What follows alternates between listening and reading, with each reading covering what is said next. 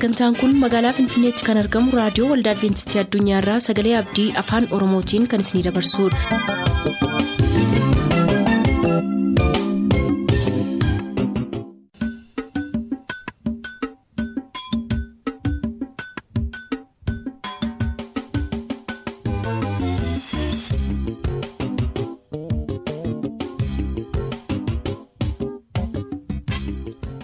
Sagantaan kun magaalaa finfinneetti kan argamu raadiyoo waldaa adventistii addunyaarraa sagalee abdii afaan oromootiin kan isinidabarsudha.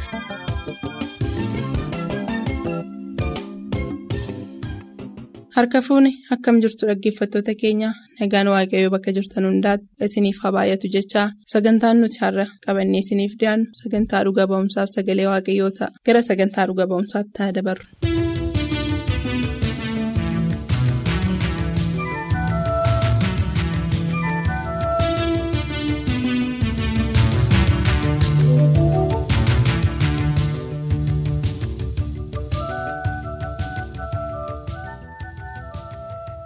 Gooftaatti kan jaallatamtan kabajamoota dhaggeeffattoota sagalee abdii harka fuuni akkam jirtu isiniin jechuudhaan sagantaa keenya har'aa jalqabna. Sagantaan kun sagantaa dhuga ba'umsaati akkuma beekamu sagantaan dhuga ba'umsaa torbanitti guyyaa tokko sanbata ganamaaf galgala kan isiniif dhiyaatu yeroo ta'u namoonni garaagaraa gara istuudiyoo keenyaas dhufanii yookiis nuyi bakka isaan jiran dhaqnee gochaa gaarii waaqayyoo isaaniif godhe oolmaa waaqayyoo isaaniif oole kan isaanitti dhugaa ba'an nu immoo qilleensarra kan oolchinudha maarree har'as keessummaa tokko of biraa qabna. Keessummaan kun waan waaqayyo naaf godhe oolmaan naaf ooletu jira wanta ta'eef kan ammoo waaqayyoof dhugaa ba'uun barbaada gurra dhaggeeffatootaas akka inni qaqqabuun barbaada waan jedheef gara istuudiyoo keenyaa dhufeera isaa wajjin wal isin barsiisuudhaan jalqabna.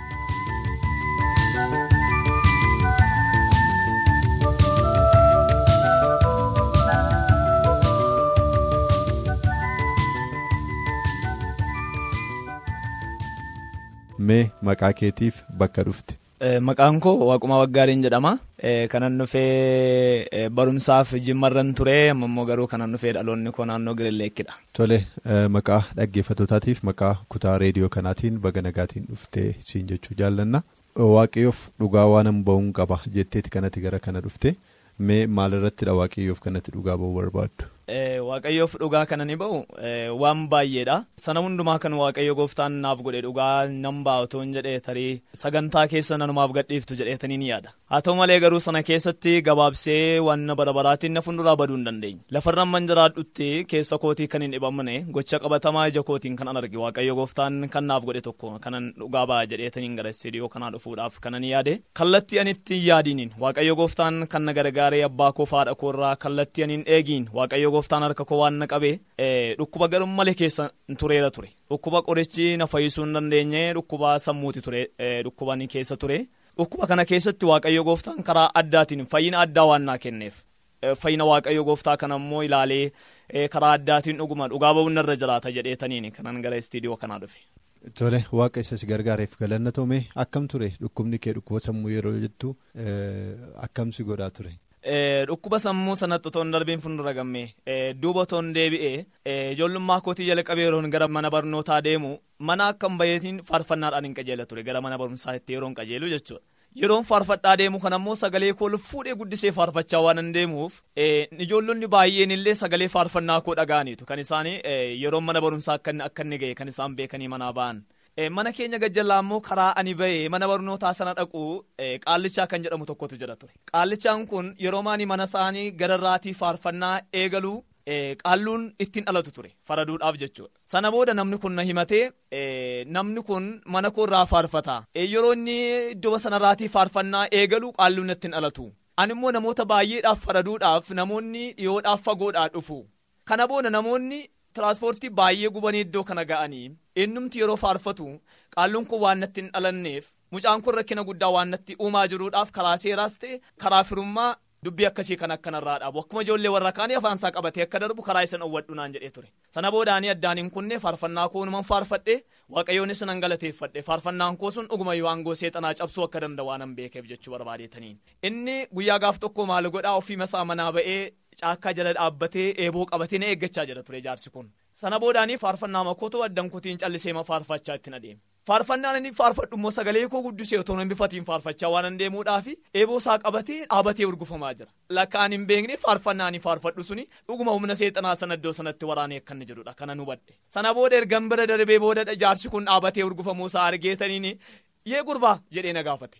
Yoon jedheen. Maaliif ati akka ijoollee warra kaanii callistee hin deemtu? naan jedhe lakkii abbaa abbaa olma waaqayyootu callan jechisiisu sun otoo beektanii hin calliftanii olma waaqaa kana faarfachuudhaaf kanaaf callisuu hin danda'u jedheetaniin bira darbee deeme ture. Yeroo mana barumsaa ga'ee karaa addaatiin mana barumsaatti illee nan himee qaama seeraa wajjin illee walan qabsiisee namichi kun waa jedha booda irratti. Maal jedhaa? Yoon karaa humnaa dadhabe karaa biraa isa hin dadhabu.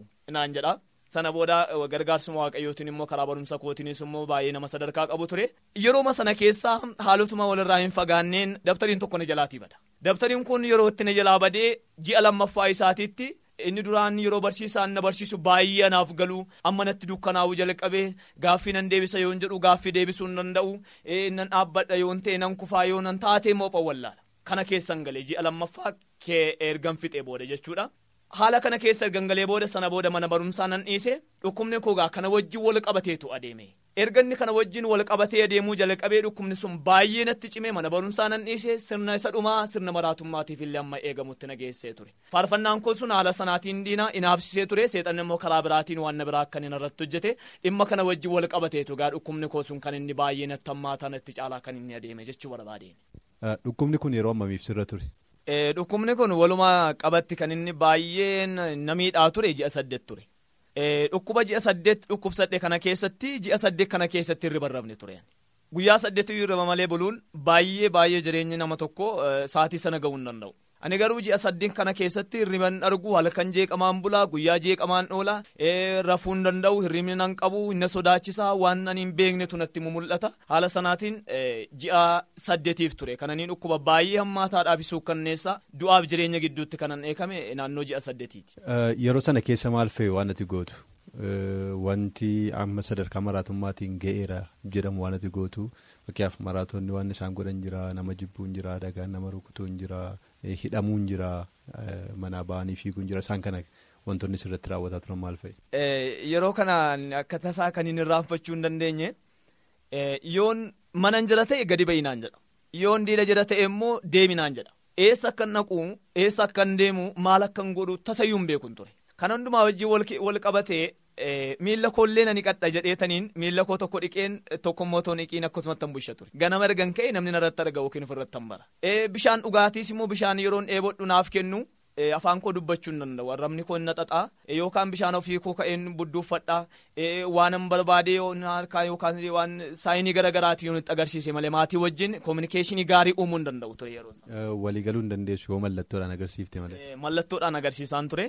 Kana keessatti egaa bishaan yeroo isaan naaf kennanii bishaan dhugaa otoo hin jiru otoo eebuun bahin immoo addan kutan ture. Ammoo isaanitti ergan kennee booda bishaan sana eebuu hin baane eebuun sun miirri isaanitti dhaga'amaa jira ammoo bishaan natti deebisu diraamaa akkasii kanadha maatiin baay'ee ciniinsu guddaa haala isaan wajjin ciniinsifachaa turanii duraa ijoollotallee daa'ima na biratti gataniitu gabaafaa deemuu eessafaa dhaquu garuu booda kanarra naannoo ji'a torbaffaa keessa yeroo ga'u.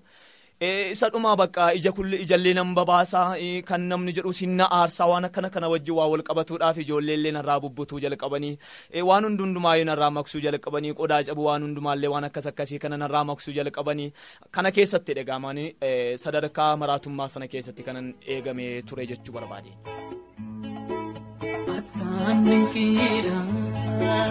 Hojiin waaqayyoo hojiin waaqayyoo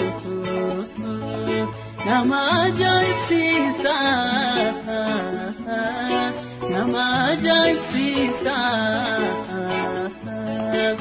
akkam dinqiidha hojiin waaqayyoo hojiin waaqayyoo. Nama ajaa'ibsiisa nama ajaa'ibsiisa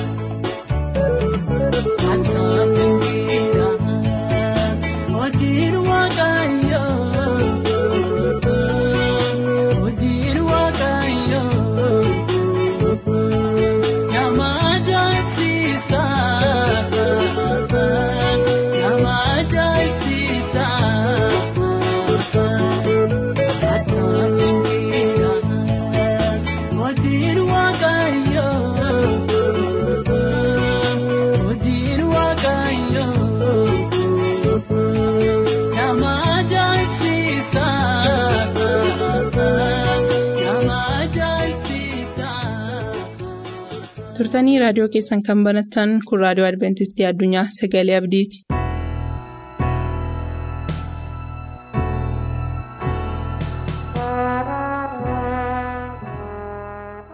Akkam turtan dhaggeeffatootaa ayyaanni waaqayyoo isiniif haa baay'atu jechuun jaalladhaa kunoo yeroo kana maturree fayyuuf waan tokko qofa goota waan jedhuun walitti naannofneerra mataa keenya gadi qabannee waaqayyoon kadhanna.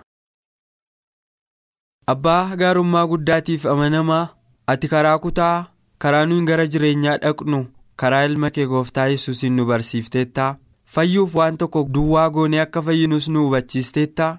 Amma waa'ee fannoo keetii yommuu barannu gara fannoo kee ilaallee fayyuu akka dandeenyuuf ayyaana nuu baay'isi maqaa ilma kee gooftaa yesuusiin. Ameen. dhaggeeffatootaa fayyuuf waan tokko qofa goota mata duree jedhuun yommuu walitti naannofnu. Kunoo kitaaba qulqulluu keessaa seera lakkoofsaa boqonnaa 21 lakkoofsa 5 hanga 9tti qayyabachaa walii wajjin turra. Yaadni guddaan nuti iddoo kana keessatti hubannu ijoolleen israa'el boofaan iddamuu isaaniiti. Boofni isaan idde kun boofa baay'ee hamaa ture sababiin akka isaan boofaan iddaman godhe garuu utuu waaqayyo nyaata samaayii gadi isaanii harcaasuu fi akkasumas bishaan dhagaa keessaa isaaniif baasuu lafa onaatti dhumuuf jenna jedhanii waaqayyoof musee irratti gungumuu isaanii akka ta'e ragaa guddaa qabna. haa ta'u malee fayyuuf maal godhuu qabu ree kan jedhutti yommuu deebinu mee boqonnaa kana keessaa seera lakkoofsaa boqonnaa 21 lakkoofsa torba amma sagaliitti haa dubbifnu kana irratti jarri musee bira dhufanii nuyi waaqayyo irrattis irrattis kaanee waan dubbanneef yakkineerraa bofoota kana nurraa akka deebisuuf waaqayyoon nuuf kadhadhu jedhan. Museenis jaraafin kadhate. Waaqayyo immoo museedhaan bofa sibiila boorrajjii irraa tolchii utubaatti rarraasii namni bofi hidde gara isaa yoo ilaale in fayyaa jedhe. Museen kana irratti bofa sibiila boorrajjii irraa tolchee utubaatti rarraase. Namni bofi hidde hundinuu gara bofa sibiila boorrajjii irraa tolfame sana yeroo ilaaletti in fayye yaada jedhu argina. Eeyyee fayyuuf waan tokko duwwaa godhani sabni israa'el. Ammamis cubbamoota ta'an ammamis waaqayyo irratti ka'an ammamis musee irratti guungumanii bofaan iddamuu isaaniif sababi guddaan isa jiraatu garuu fayyuuf wanta tokkitti gochuu akka isaan qabantu isaanitti himame. Wanni isaan godhan yoo jiraate gara bofa safannifame sanaa yoo ilaalan battaluma hadhaa bofaatti fayyuu akka isaan danda'antu isaanitti himame. Dhugaan guddaan nuti seenaa kana keessaa barannu namni gara bofa fannifame sana yommuu ilaale fayyuu isaati homaa tokko utuun hojjetin ilaaluu qofaan fayyuun hin danda'amaa kan jedhu gaaffii keessa nu galcha eeyyee qoricha aadaan arganne ogeessa biraan dhaqne mana yaalaan deemne wanti isaan godhan yoo jiraate gara bofa fannifame qofa ilaalanii hin fayyan jedha. haa ta'u malee uumama boqonnaa sadii lakkoofsa tokkoof mul'ata boqonnaa 20 lakkoofsa lama yommuu dubbifnu. Boofni akka fakkoommii wanta hamaatti dhiyaateera. Uumamni boqonnaa soddomii tokko yommuu boofti heewwaaniin gowwoomsee nuufeera mul'ati boqonnaa diddamni lakkoofsi lama immoo boofti bara durii daabiloos seexanas inni jedhamee beekamu sun ergamaa waaqayyootiin qabamee iddoo lafa jalaatti hidhamuusaa nu hubachiisa ergaa akkas ta'ee jechuudha gaaffii kan ta'u yoo jiraate fannifamuu gooftaa yesus sanama hundumaaf fayyina kennee fi lafa onaa keessatti bofa fannifame maaltu walitti fidaree kan jedhu gaaffii ta'uu danda'a. dhugumayyuu erga boofti fakkoommii wanta hamaati ta'e bakka bu'ee wanta gadheeti ta'e attamitti fannifamuun gooftaa yesus inni gaarummaa addunyaaf lakkoofsise bofa fannifame kanaan wal bira qabama yaada jedhu gaaffii ta'uu danda'a. yohannis boqonnaa sadii lakkoofsa 14-15 yommuu dubbifnu sagalee kana argina.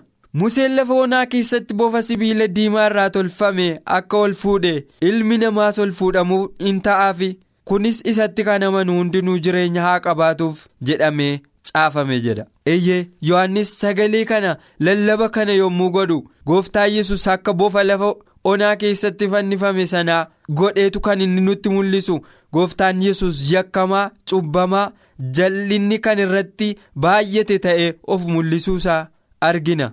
kanaafuu ol fuudhamuu ilma waaqayyootiin nuyi warri biyya lafaa irratti bofa lafa onaatiin hiddamne jireenya akka argannu ta'e eeyyee phaawulos immoo qorontoos lammataa boqonnaa shan lakkoofsa 21 irratti akkas jedha cubbuu tokko illee utuu hin qabaanne nuyi karaa isaa qajeelinaa akka argannutti nuuf jedhee cubbamaa isa godheen fayyifamne jedha.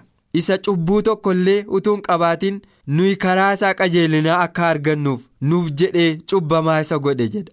Eeyyee gooftaan yesus fakkoommi wanta hamaa ta'ee abaaramaa ta'ee fannifamuu isaatiin tolli isaanuuf immoo gatii cubbuu keenyaa golguudhaan akka nu jireenya bara baraaf ga'oo taanuuf nuuf lakkaa'ame. Dhugumayyuu cubbuun keenya yesuusiin cubbamaa fi fakkoommii yookaan simboolizimii wanta gadhee godheessa dhiyeesseera. kana malees galaatiyaa boqonnaa sadii lakkoofsa kudha sadii yommuu dubbifnu yaada kana argina. Kristos immoo nuuf jedhee abaaramaa ta'uudhaan abaarsa isa seerichi nutti fide jalaa nu fureera. Akkuma caafame namni mukatti rarraafame abaaramaadhaan jedha.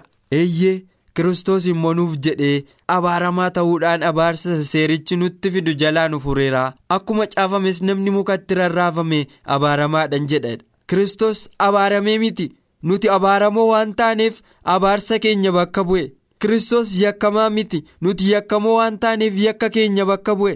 Nuti ilmaan loogaaf sanyii marrataa waan taaneef bakka keenya bu'ee lafa onaa keessatti fannifame. Ee gatii cubbuu keenyaa baatee akka isa abaarameetti. Akkuma caafamee jiru iyyuu namni mukatti fannifame abaaramaadha akkuma jedhame. Abaaramaa ta'ee hattootaa wajjin fannifame. seenaa kana lamaan keessattuu kan nuti arginu yesus nuuf jedhee abaaramaa ta'uudhaan mukatti fannifamuu isaati mukatti ol ba'ee fannifamuu isaatiin immoo ilaallee akka fayyinuuf taane. Eeyyee utuu fannoodhaan yesus nu gidduudhaa gara ol fuudhamuutti ol hin kaafamne ta'e waan ilaallee hadhaa lafa onaa wanta lafa onaatti bofa lafa onaatti nu hidde kanarraa fayyinu hin qabnu. qoricha kanatti nu fayyisuu hin qabnu turre. Jireenya cubbuu nurraa fuudhamee ilma waaqayyoo irra kaa'ametu abaaramaa isa godhe. Haa ta'u malee ga'een keenya gara ilma waaqayyoo isa nuuf jedhee bofa lafa onaa ta'e kanaa ilaaluu qofaadhaan fayyuudha. Inni nuuf jedhee abaaramaa ta'e inni nuuf jedhee fannifame inni nuuf jedhee gatii cubbuu keenyaa baate inni nuuf jedhee gatii nuyi dhiphachuu nurra jiru mara dhiphate. Egaa dhaggeeffatootaa hojii fayyina keenyaaf wanta godhamuu qabu hundumaa godheera. Hamma inni gatii nuyi baasuun irra jirru nu baasetti. Hamma inni wanta beenyaa nuyi kaffaluu qabnu kaffaletti maaltu akka nuyi samaa hin dhanne nu godha. Ol butamuu isaatiin gara ol butamuutti nu geesse waan ta'eef ol kaafamuun isaa karaa baay'ee gara fayyinaatti nu geessa. Eeyyee ammuma inni lafarraa ol kaafamaa deemu gara samaa'itti nu dhiyeessaa deema. ol kaafamuu isaatiin gara abbaatti dhiyaanne. Karaa tokko fannoodhaan lafarraa yommuu ol butame iji keenya isa duukaa ol ka'ee isa laallee fayyina bara baraa akka argannu godhame.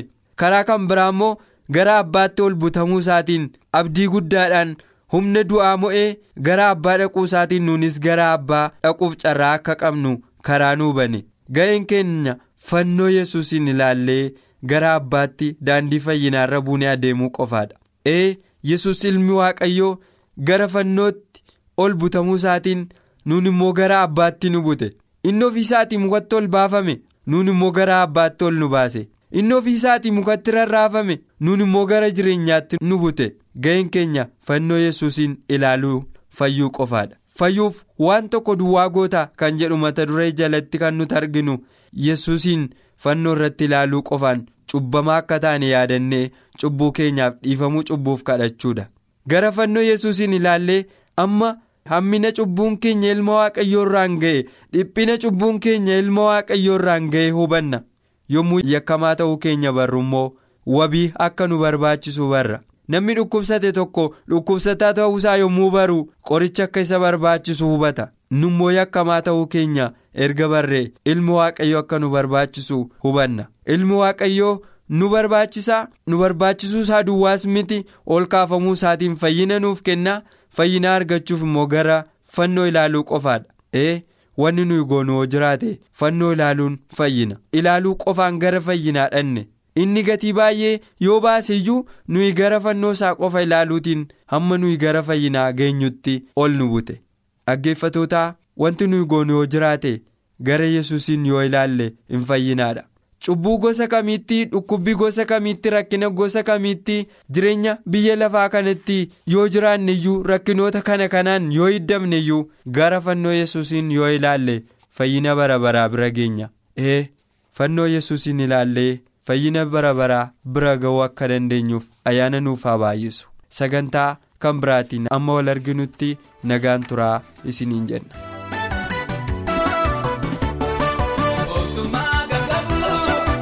Lafaadhaati